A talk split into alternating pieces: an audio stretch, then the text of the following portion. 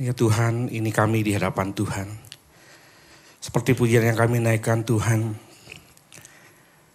kami hanya bisa tenang ketika kami berada dekatmu ya Bapa. Karena engkaulah kekuatan kami, engkaulah perlindungan kami, engkaulah tempat perteduhan kami Tuhan. Kami bersyukur Tuhan, kalau hari ini kami boleh melewati tahun yang lalu dan tiba di tahun 2024. Sekali lagi Tuhan, itu semua karena semata-mata kemurahan Tuhan. Dan biar Tuhan kami boleh terus mengingat ini. Dan menjalani hidup di tahun 2024 ini dengan sebuah kesadaran bahwa semua karena kemurahan Tuhan. Karena belas kasihan Tuhan. Dan kami bersyukur kami punya Tuhan yang begitu mengasihi kami yang tidak pernah berhenti untuk mengasihi kami. Tuhan ini kami datang di hari yang pertama di tahun yang baru ini Tuhan. Kami mau mempersembahkan syukur kami, membawa hidup kami, membuka hati kami untuk boleh mendengar apa yang Tuhan kau inginkan kami lakukan dalam tahun ini Tuhan. Berbicaralah kepada setiap hati jemaatmu Tuhan. Sesuai dengan apa yang menjadi pergumulan mereka dalam hidup mereka. Bila firman ini boleh memberikan peneguhan, kesadaran bagi setiap kami Tuhan. Kami berdoa, kami bersyukur Tuhan. Kami menyerahkan waktu kami ke depan, ke dalam tangan Tuhan. Di dalam namamu Tuhan Yesus kami sudah berdoa. Amin. Shalom, selamat pagi Bapak Ibu serta Tuhan sekali lagi. Senang sekali hari ini kita bisa berkumpul setelah setahun kita berpisah. Amin. ya, izinkan saya pertama-tama mengucapkan selamat tahun baru untuk saudara semua. Biarlah kiranya di tahun yang baru ini damai sejahtera Tuhan, sukacita dari Tuhan, iman yang Tuhan berikan kepada kita itu semakin bertumbuh dan semakin berlimpah-limpah saudara ya. Oke saudara hari ini kita akan merenungkan satu tema tentang melangkah dengan syukur saudara. So untuk mendasari perenungan kita saya mengajak kita untuk melihat satu teks dari Lukas pasal yang ke-17. Lukas pasal yang ke-17 ayat yang ke-11 sampai dengan ayat yang ke-19. Injil Lukas ayat 17, kalau saudara bisa buka gadget silakan atau sudah mau lihat di layar silakan. Kita baca gantian kalau boleh ya, biar nggak ngantuk saudara ya. Ayat yang ganjil saya genap saudara seterusnya. Demikian bunyi firman Tuhan. Injil Lukas pasal yang ke-17 ayat ke-11.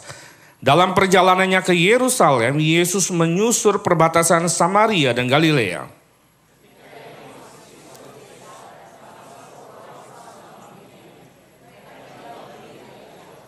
Dan berteriak Yesus, Guru kasihanilah kami.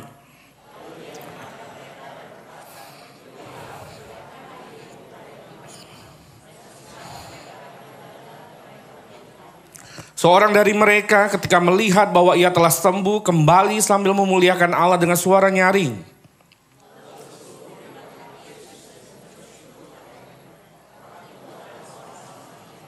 Lalu Yesus berkata, bukankah ke sepuluh orang tadi semuanya telah menjadi sembuh, di mana yang ke sembilan orang itu?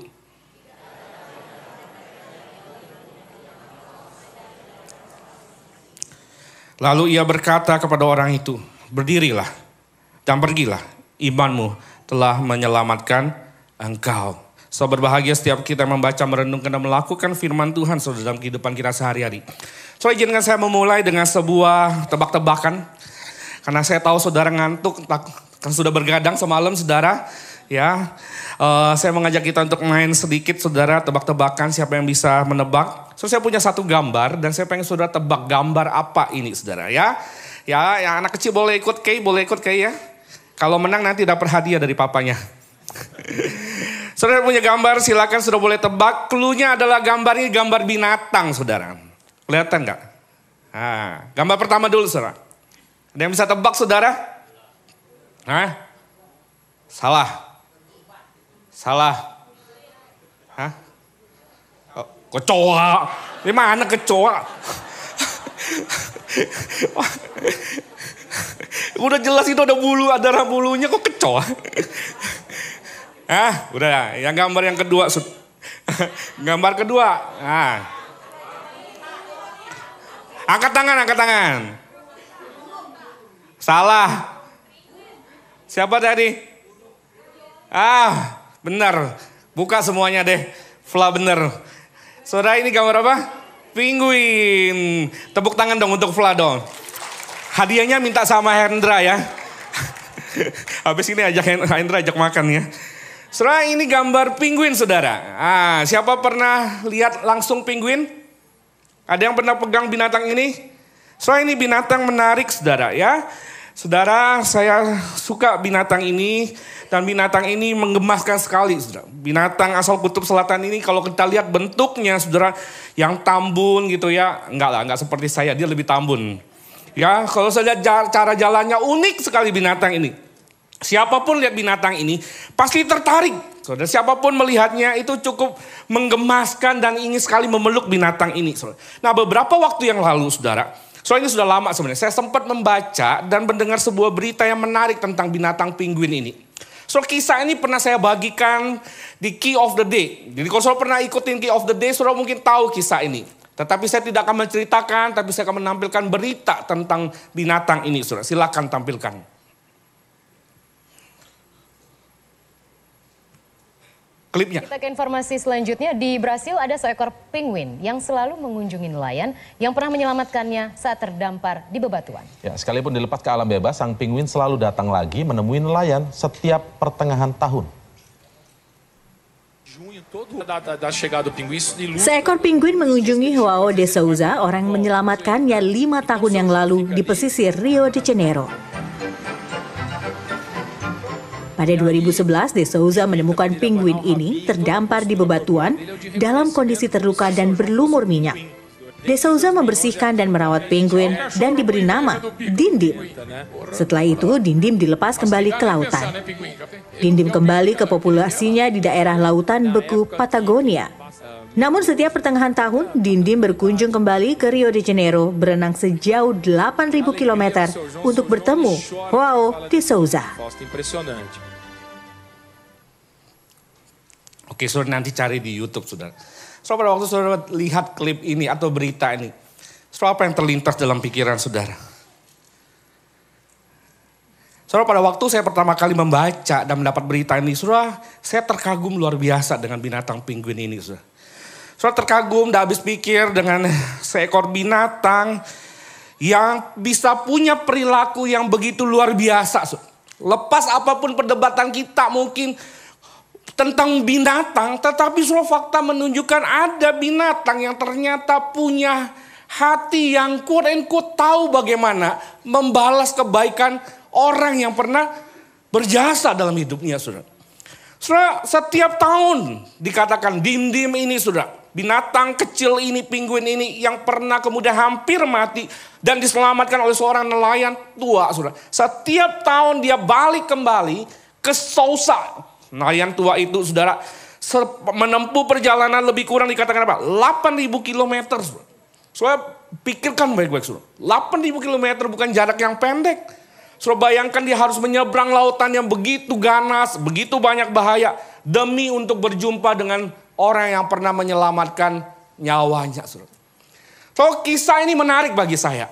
Dan kisah ini saudara, itu serupa meskipun tidak sepenuhnya sama dengan kisah yang kita baca dalam teks tadi, Lukas pasal yang 17 saudara.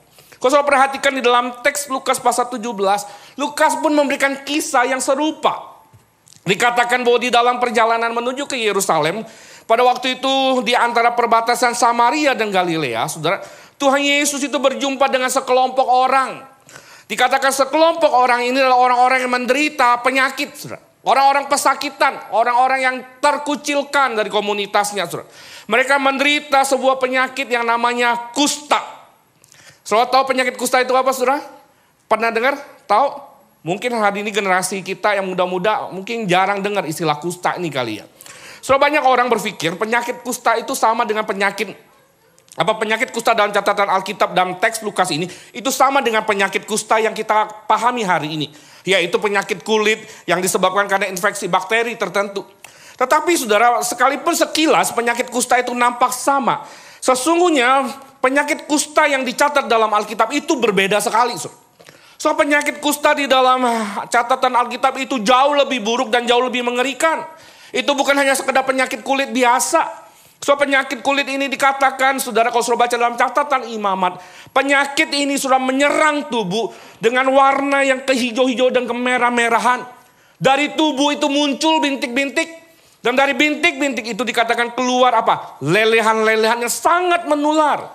Yang dikatakan bahwa lelehan itu najis dan juga sangat mematikan. So itu sebab ketika seorang pada zaman dulu itu kena penyakit yang namanya kusta. Saudara. So mereka itu tidak boleh hidup bersama-sama dalam komunitas apa pun. Mereka nggak boleh tinggal dengan keluarga mereka. Mereka nggak boleh bergaul dalam komunitas masyarakat pada waktu itu. Saudara. Persis kalau saudara alami, kira-kira seperti COVID pada waktu lalu kita alami, betul tidak? Orang yang kena COVID langsung apa saudara? Dikarantina, diisolasi, gak peduli dia orang tua kita, anak kita, dia harus diisolasi. So kira-kira gambarnya sama, itu terjadi pada pada pada waktu itu. So. Orang yang menderita kusta itu sama sekali tidak boleh tinggal dalam komunitas mereka di mana pun juga. So. Mereka harus jaga jarak, mereka harus dipisahkan jauh di pinggiran kota. Bahkan kalau sudah baca dalam catatan imamat pasal yang ke-13, saudara. Ayat 45-46, saudara. So di sana dikatakan apa, saudara? Orang kusta itu harus menandakan dirinya. Supaya orang tahu nih, kalau ketemu orang seorang yang sakit kusta, orang tahu, oh ini orang sakit kusta. Dikatakan apa? Orang sakit kusta harus berpakaian yang cabik-cabik. Rambutnya harus terurai. Dan lagi ia harus menutupi mukanya sampai apa? Berseru apa? Najis, najis. Jadi kalau orang kusta, ketika dia lihat ada kelompok orang masyarakat lewat di depan dia, Meskipun jaraknya jauh, dia harus teriak sudah. Najis, najis. Supaya orang tahu bahwa ada orang yang sedang berpenyakit. Yang sangat menular dan mematikan. Dan tidak boleh didekati sudah. Sudah karena itulah sudah kalau kita perhatikan teks ini. Ketika 10 orang kusta itu melihat Tuhan Yesus lewat di perbatasan. Mereka nggak bisa dekat Tuhan Yesus. Mereka sadar diri. Mereka tahu diri mereka nggak bisa menghampiri Yesus dan memohon seperti biasa orang-orang yang lain bisa menghampiri Tuhan Yesus menjama jubahnya nggak bisa. Mereka nggak bisa kemudian mendekat. Mereka hanya bisa memanggil Yesus dari apa? Dari kejauhan. Nah, Lukas mencatat mereka berseru kepada Yesus apa? Guru, Yesus kasihanilah kami. Yesus guru kasihanilah kami. Dan menarik saudara kalau kita perhatikan dalam catatan Alkitab apa yang kemudian Yesus lakukan saudara. Soalnya biasanya ketika ada orang sakit dan Tuhan Yesus lewat, yang yang Tuhan Yesus lakukan apa? Dia jama, orang itu sembuh. Atau dia berkata-kata, mujizat terjadi. Tapi saudara kalau perhatikan dalam teks ini, saudara Lukas mengatakan kepada kita ayat 14. Pada waktu 10 orang kusta itu berseru, memohon belas kasihan dari Yesus. Yang dilakukan oleh Yesus itu apa? Dia memandang mereka dan berkata, pergi, perlihatkanlah dirimu kepada imam-imam saudara. Yesus memberikan perintah kepada 10 orang kusta itu. Pergi, perlihatkanlah dirimu kepada imam-imam. Saudara memang saudara, pada waktu itu aturannya memang harus demikian. Orang sakit kusta itu harus diverifikasi istilahnya. Kalau kita harus di dulu COVID harus dites dulu tes COVID harus dapat sertifikat surat dan sebagainya. So pada zaman itu orang yang sakit kusta itu harus menghadap imam. Imamlah yang menjadi penentu seorang itu sembuh atau belum. Imamlah yang menjadi penentu apakah seorang yang sakit kusta itu boleh kembali ke dalam masyarakat, boleh tinggal bersama keluarganya atau tidak. Imam punya wewenang yang luar biasa. Oleh karena itu Tuhan Yesus memberikan perintah menghadap para imam. Dan menarik sekali saudara, di dalam perjalanan menghadap para imam itu Alkitab berkata apa? Sesuatu yang besar ter, terjadi saudara. Di dalam perjalanan menuju para imam itu Alkitab berkata 10 orang kusta itu secara ajaib. Entah bagaimana kita nggak ngerti cara Tuhan. Tetapi dalam perjalanan mereka menuju ke menghadap para imam. Tiba-tiba Alkitab berkata mereka menjadi tahir. Tubuh mereka yang sebelumnya itu penuh dengan kusta. Dikatakan sembuh secara total.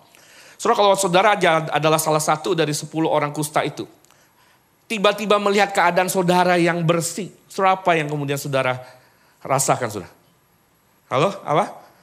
Seneng. Bahagia betul tidak? Saudara, hampir dapat dipastikan saudara, mereka begitu bersuka cita.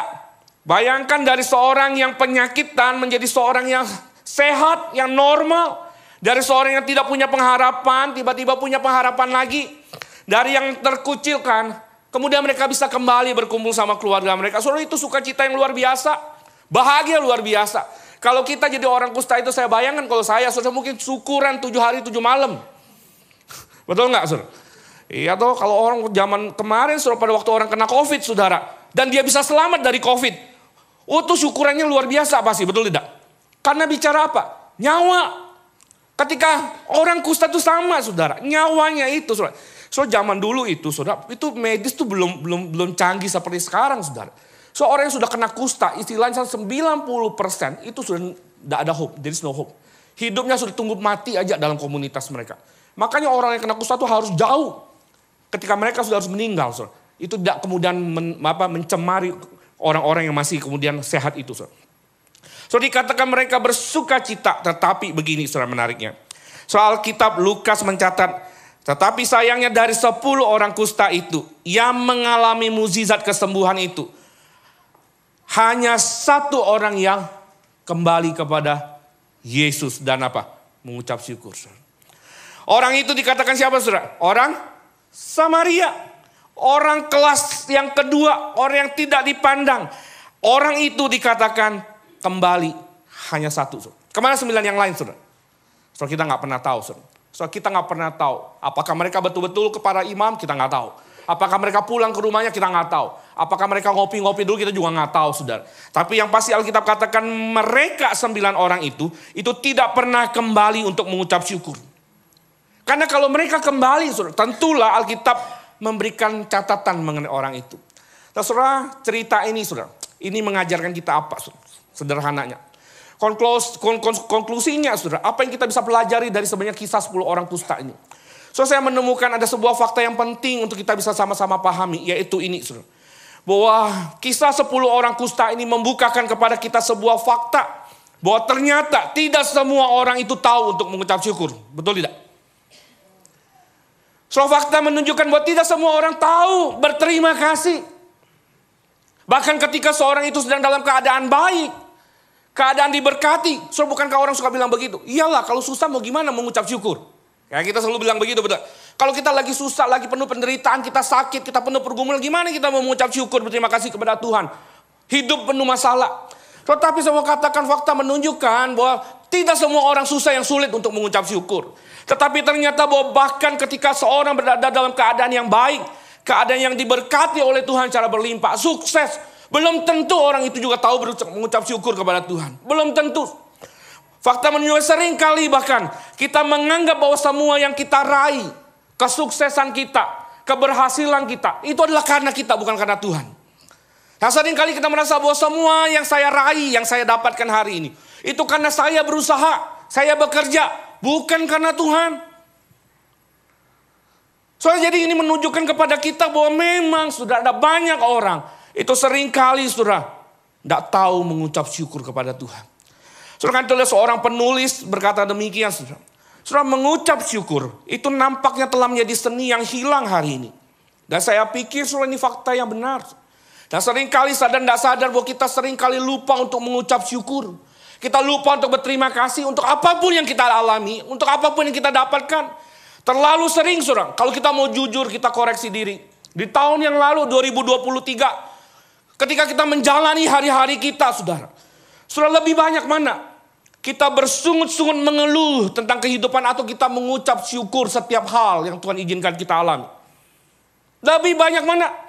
Lebih sering mana saudara kita di tahun 2023 kemarin protes komplain kepada Tuhan karena apa yang Tuhan jadikan itu tidak sesuai dengan kita inginkan atau kita tetap percaya dan berserah penuh kepada Tuhan. Saudara kalau mau jujur saudara, sering kali kita lebih sering bersungut-sungut dan komplain sama Tuhan. Kalau mau jujur tuh, sering kali kita nggak pernah puas apa yang Tuhan berikan kepada kita dan kita selalu menuntut Tuhan lebih. Seringkali kita lupa mengucap syukur. Kita lebih banyak datang kepada Tuhan dengan apa? Dengan semacam sederet macam komplain kita kepada Tuhan karena Tuhan tidak mengerjakan apa yang kita mau. Kenapa proyek kita tidak berhasil? Kenapa rencana kita gagal? Kita lebih banyak bertanya kepada Tuhan, kenapa Tuhan? Kenapa Tuhan? Dan kita tidak pernah bertanya apa maunya Tuhan dengan segala yang terjadi. Dan kita bersyukur dalam keadaan itu. Ketika kita keluarga kita berantakan punya masalah, kita tanya sama Tuhan dan marah sama Tuhan, betul tidak? Ketika ekonomi kita mungkin punya masalah, kita komplain sama Tuhan. Saudara, kapan kita bersyukur? Seringkali saudara, kita lupa untuk bersyukur saudara. Saudara hari ini kita bicara tentang bersyukur dan hari ini saya meng-highlight tentang hal ini, ini penting saudara. Saudara mengutip perkataan James Allen, saudara seorang filsuf dan penyair Inggris yang terkenal. Saudara, izin yang saya katakan di hari pertama di tahun ini. Saudara, saudara ingat baik-baik. Saudara. perkataan ini sangat baik. Tidak ada kewajiban yang jauh lebih mendesak daripada apa saudara? Mengucap syukur saudara. Saudara tidak ada kewajiban, tidak ada tugas dari hidup manusia. Seorang manusia secara general saudara, yang lebih mendesak daripada mengucap syukur. Nah terlebih lagi kita orang Kristen, orang percaya. Terlebih lagi kita anak Tuhan. Saudara. Tidak ada hal yang lebih mendesak. Mengucap syukur itu adalah keharusan. Saudara. Berterima kasih datang kepada Tuhan. Itu adalah sebuah kemutlakan. Nggak bisa ditawar-tawar. So kita suka, kita tidak tidak suka. Kita sedang ada di atas atau di bawah. Kita ada dalam keadaan yang baik atau kurang baik. Rencana kita berjalan sesuai dengan kehendak kita atau tidak. Saudara tidak ada pilihan bagi orang percaya selain daripada selalu mengucap syukur untuk semua keadaan apa pun itu. Saudara mendengar ini, saudara mungkin kita berkata, wah ini gila, orang Kristen gila. Saudara bukan. Saudara kita mengucap syukur bukan semata-mata karena itu adalah etika yang baik, yang besar. Kebajikan yang besar, bukan saudara.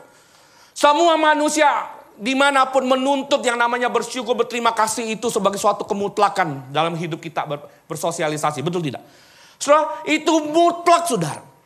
Saudara, tidak ada orang yang tidak ada orang yang senang dengan orang yang tidak tahu terima kasih atau tidak tahu bersyukur. Saudara, senang dengan bergaul dengan orang yang demikian? Oh, kalau baik, kalau lagi susah cari kita. Oh, giliran lagi sudah happy-happy, dia lupa sama kita. Saudara senang nggak orang begitu? Nggak senang, saudara, betul nggak? Tapi banyak nggak orang begitu? Halo? Banyak, saudara.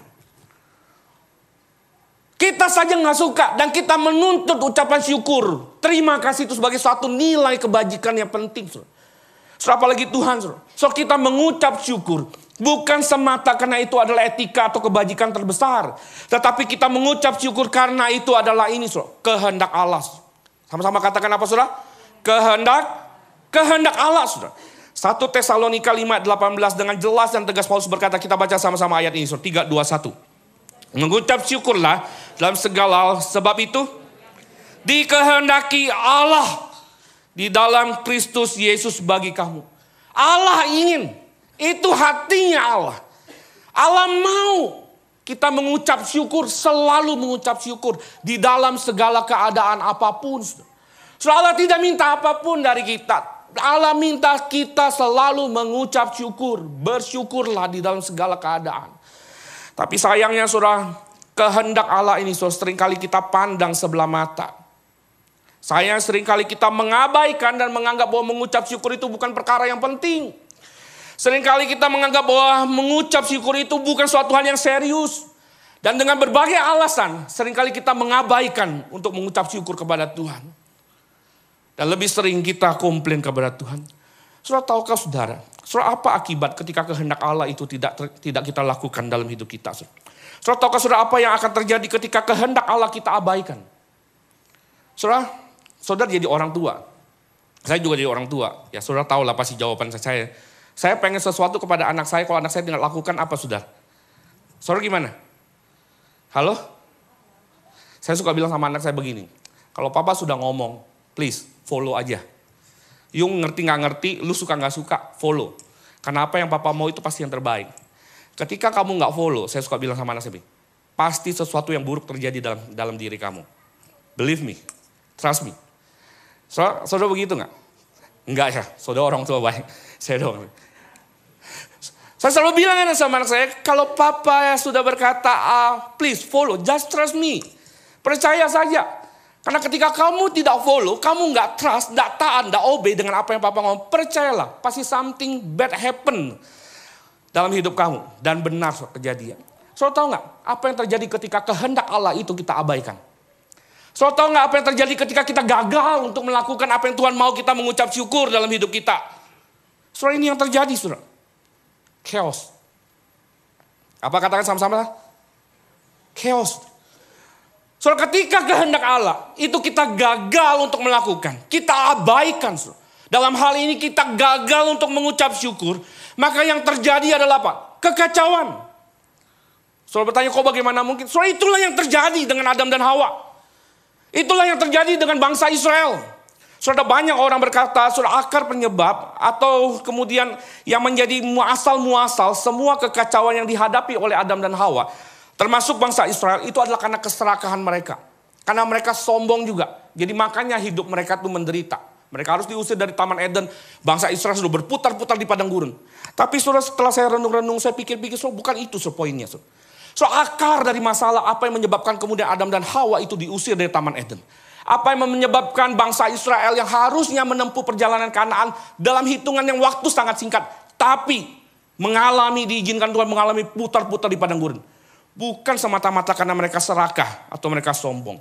Soalnya saya sependapat dengan seorang Santo Ignatius Loyola, seorang rohaniawan dan pendiri gerakan Jesuit. So di dalam suratnya yang ditulis tahun 1542, so beliau berkata begini, so, perhatikan. Penyebab, permulaan, dan asal mula segala kejahatan dan dosa manusia adalah rasa baca sama-sama sur. 3 2 1. Penyebab, permulaan dan asal mula segala apa? Kejahatan dan adalah apa Saudara?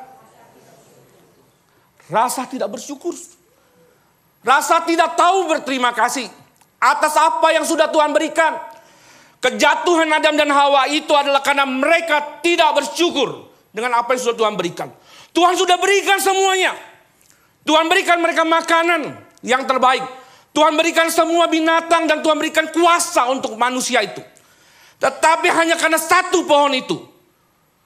Manusia yang bernama Adam dan Hawa itu kemudian tergoda dan jatuh. Dia nggak bersyukur atas banyaknya makanan pohon buah yang sudah Tuhan berikan. Dia hanya fokus kepada satu yang dia tidak miliki itu. Dan akhirnya jatuh terbuang. So bangsa Israel pun demikian. Tuhan sudah bawa mereka keluar dari Mesir. Tuhan pimpin, Tuhan kasih makan. Tetapi ketika mereka keluar, baru selangkah keluar dari Mesir. Apa yang dilakukan bangsa itu? Sungut-sungut.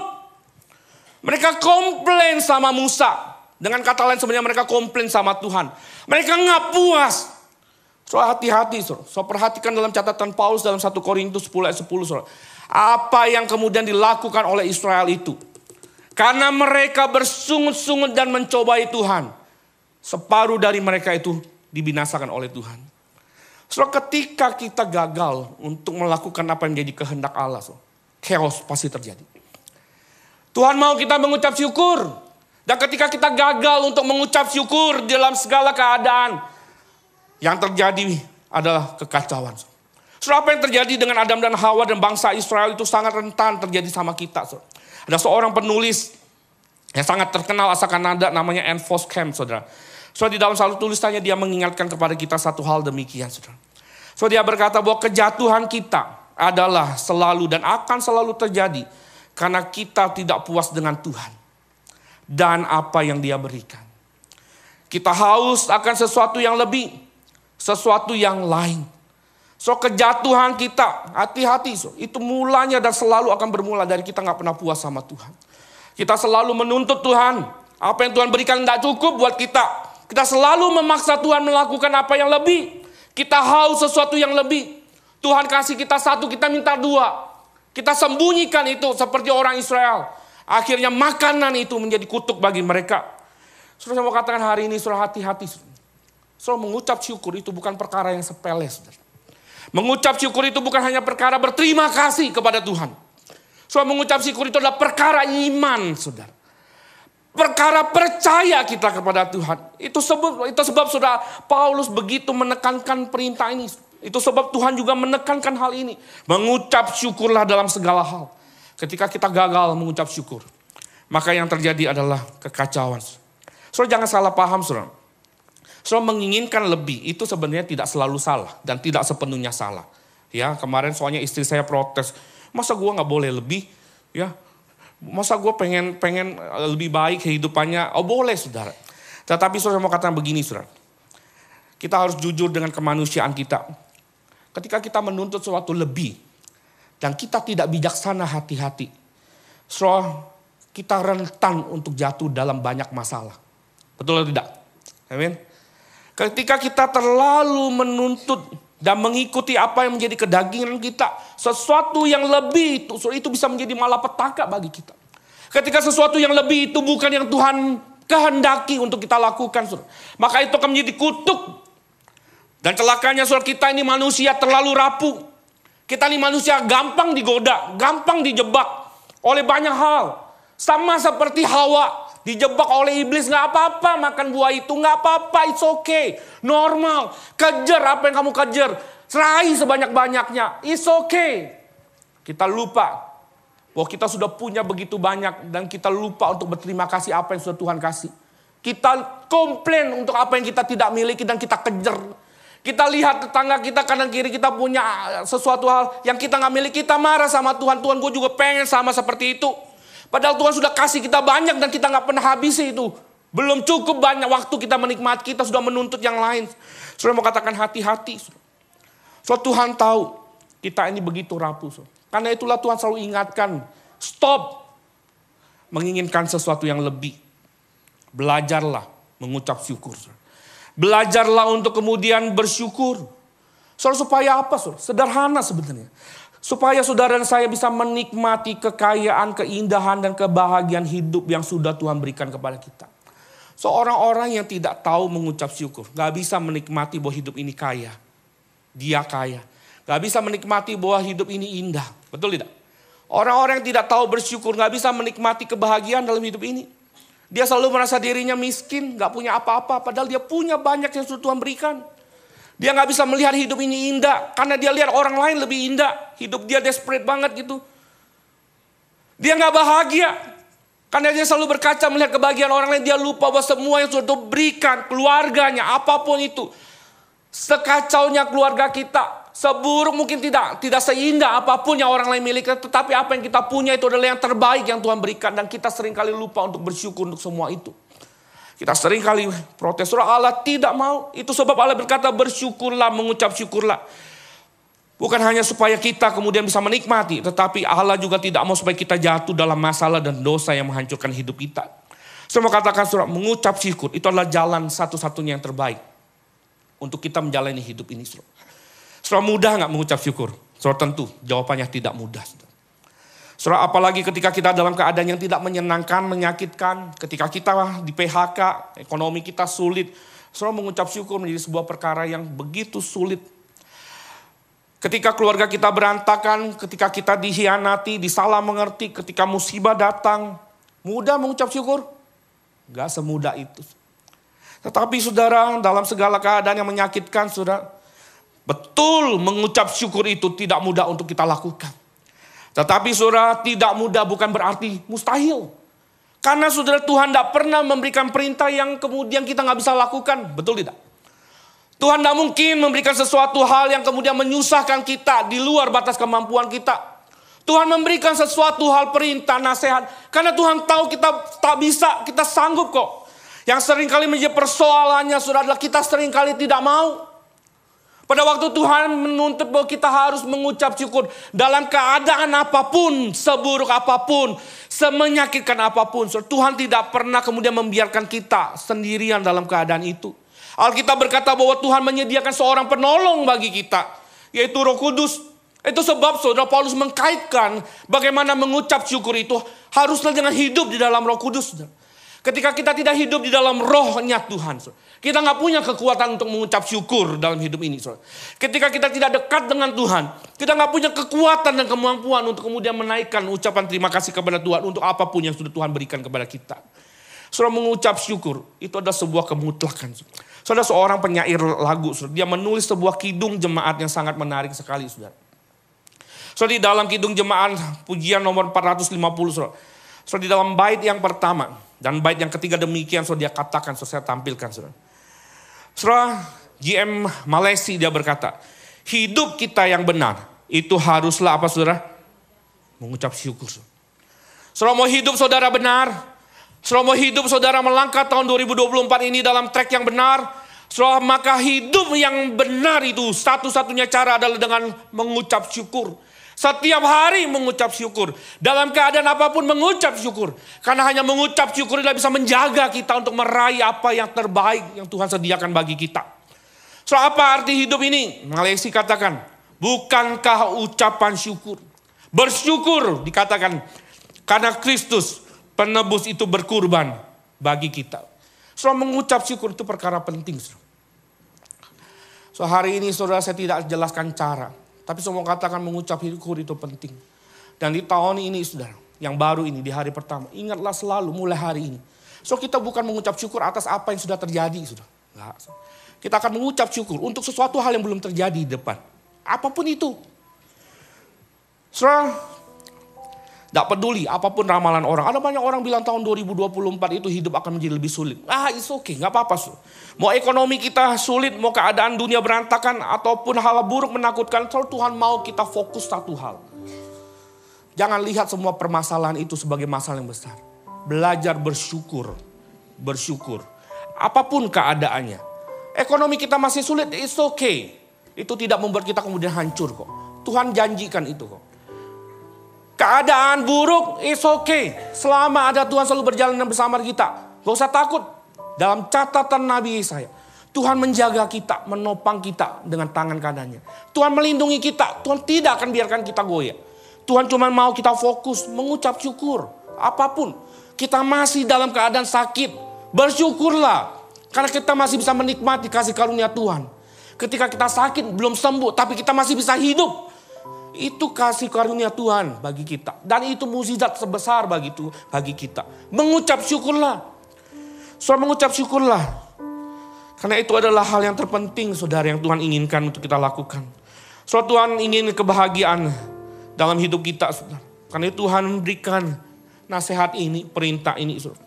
So menarik sekali kalau saya perhatikan dalam catatan Lukas pasal yang ke-17 ayat ke-19 terakhir. Saudara.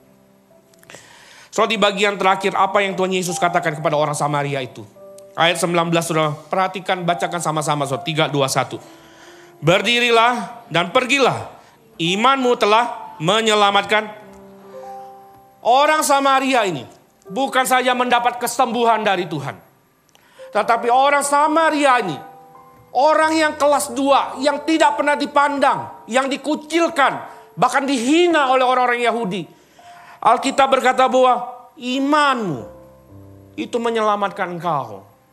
So benarlah apa yang kemudian dikatakan oleh seorang teolog Jerman yang dibunuh dalam kamp konsentrasi Nazi karena melawan Hitler. So dia benar berkata begini di Bonhoeffer. So, so kita baca sama-sama kutipan Israel. 321. Hanya orang-orang yang mengucap syukur untuk perkara-perkara kecil yang akan menerima hanya orang-orang yang bersyukur, mengucap syukur untuk setiap perkara, apa pun itu.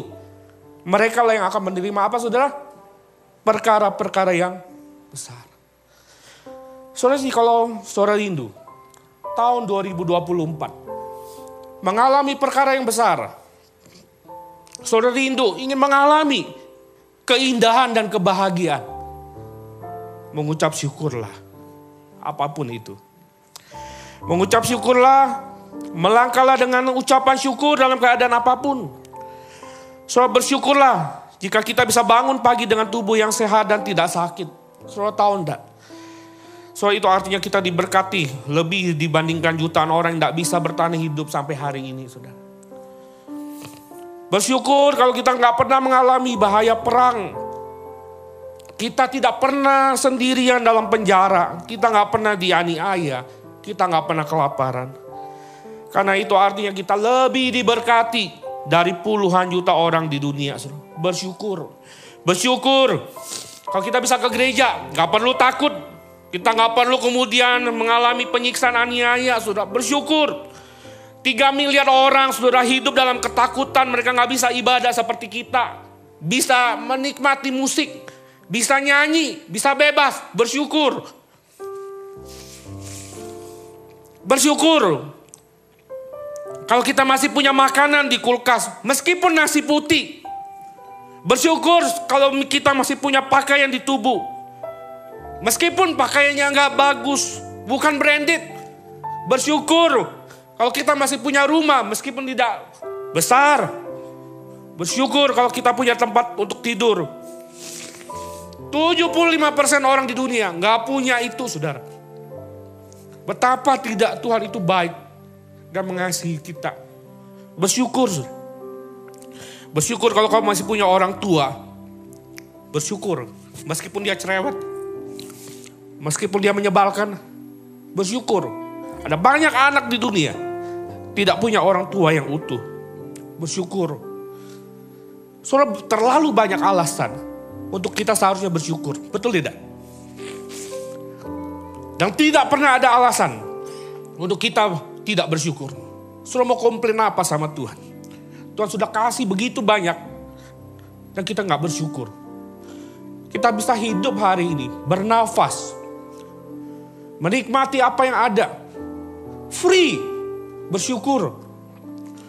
Orang di rumah sakit di ICU, mereka harus pakai tabung oksigen, bayar mahal. Sudah masih mau komplain apa sama Tuhan? Komplain itu nggak pernah menyelesaikan masalah. Seorang yang hidupnya bersyukur, pasti punya perbedaan. Mengucap syukur itu akan membedakan orang dalam menjalani hidupnya. Percayalah. Orang yang bersyukur, saudara akan lihat hidupnya akan mengalami happiness. Yang kita nggak bisa jelaskan. Tapi orang nggak pernah bersyukur. Mau dia punya harta banyak melimpah. Dia nggak akan bisa menikmati kebahagiaan. Tapi lebih dari semua itu saudara, bersyukurlah. Karena kita punya Tuhan yang mengasihi kita. Lebih dari apa pun.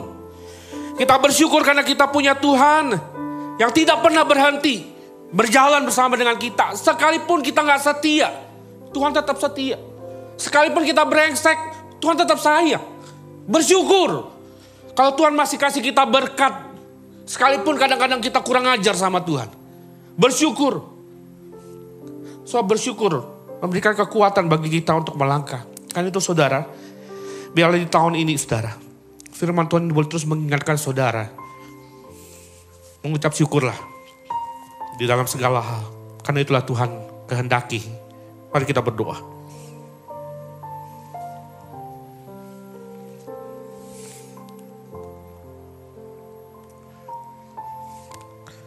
Sudah waktu tenang ini saudara, saya rindu saudara, kita berdoa pribadi. Naikkan ucapan syukurmu kepada Tuhan. Bersyukurlah kepada Tuhan. Apa pun, saudara. bukan untuk hal-hal baik saja. Tapi bersyukurlah kepada Tuhan juga untuk mungkin keadaan-keadaan yang tidak menyenangkan. Yang menyakitkan. Bersyukur kepada Tuhan. Karena kalau kita percaya bahwa Tuhan turut bekerja dalam segala sesuatu. Maka tidak ada keadaan yang buruk di dalam Tuhan. Semua keadaan adalah baik. Dan Tuhan sanggup mengubah semuanya itu menjadi kebaikan bagi kita. Selama kita mau betul-betul bersyukur dan beriman kepada Tuhan.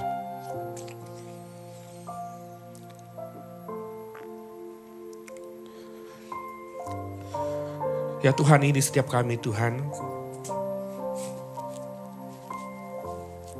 Kami datang ke hadapanmu Tuhan.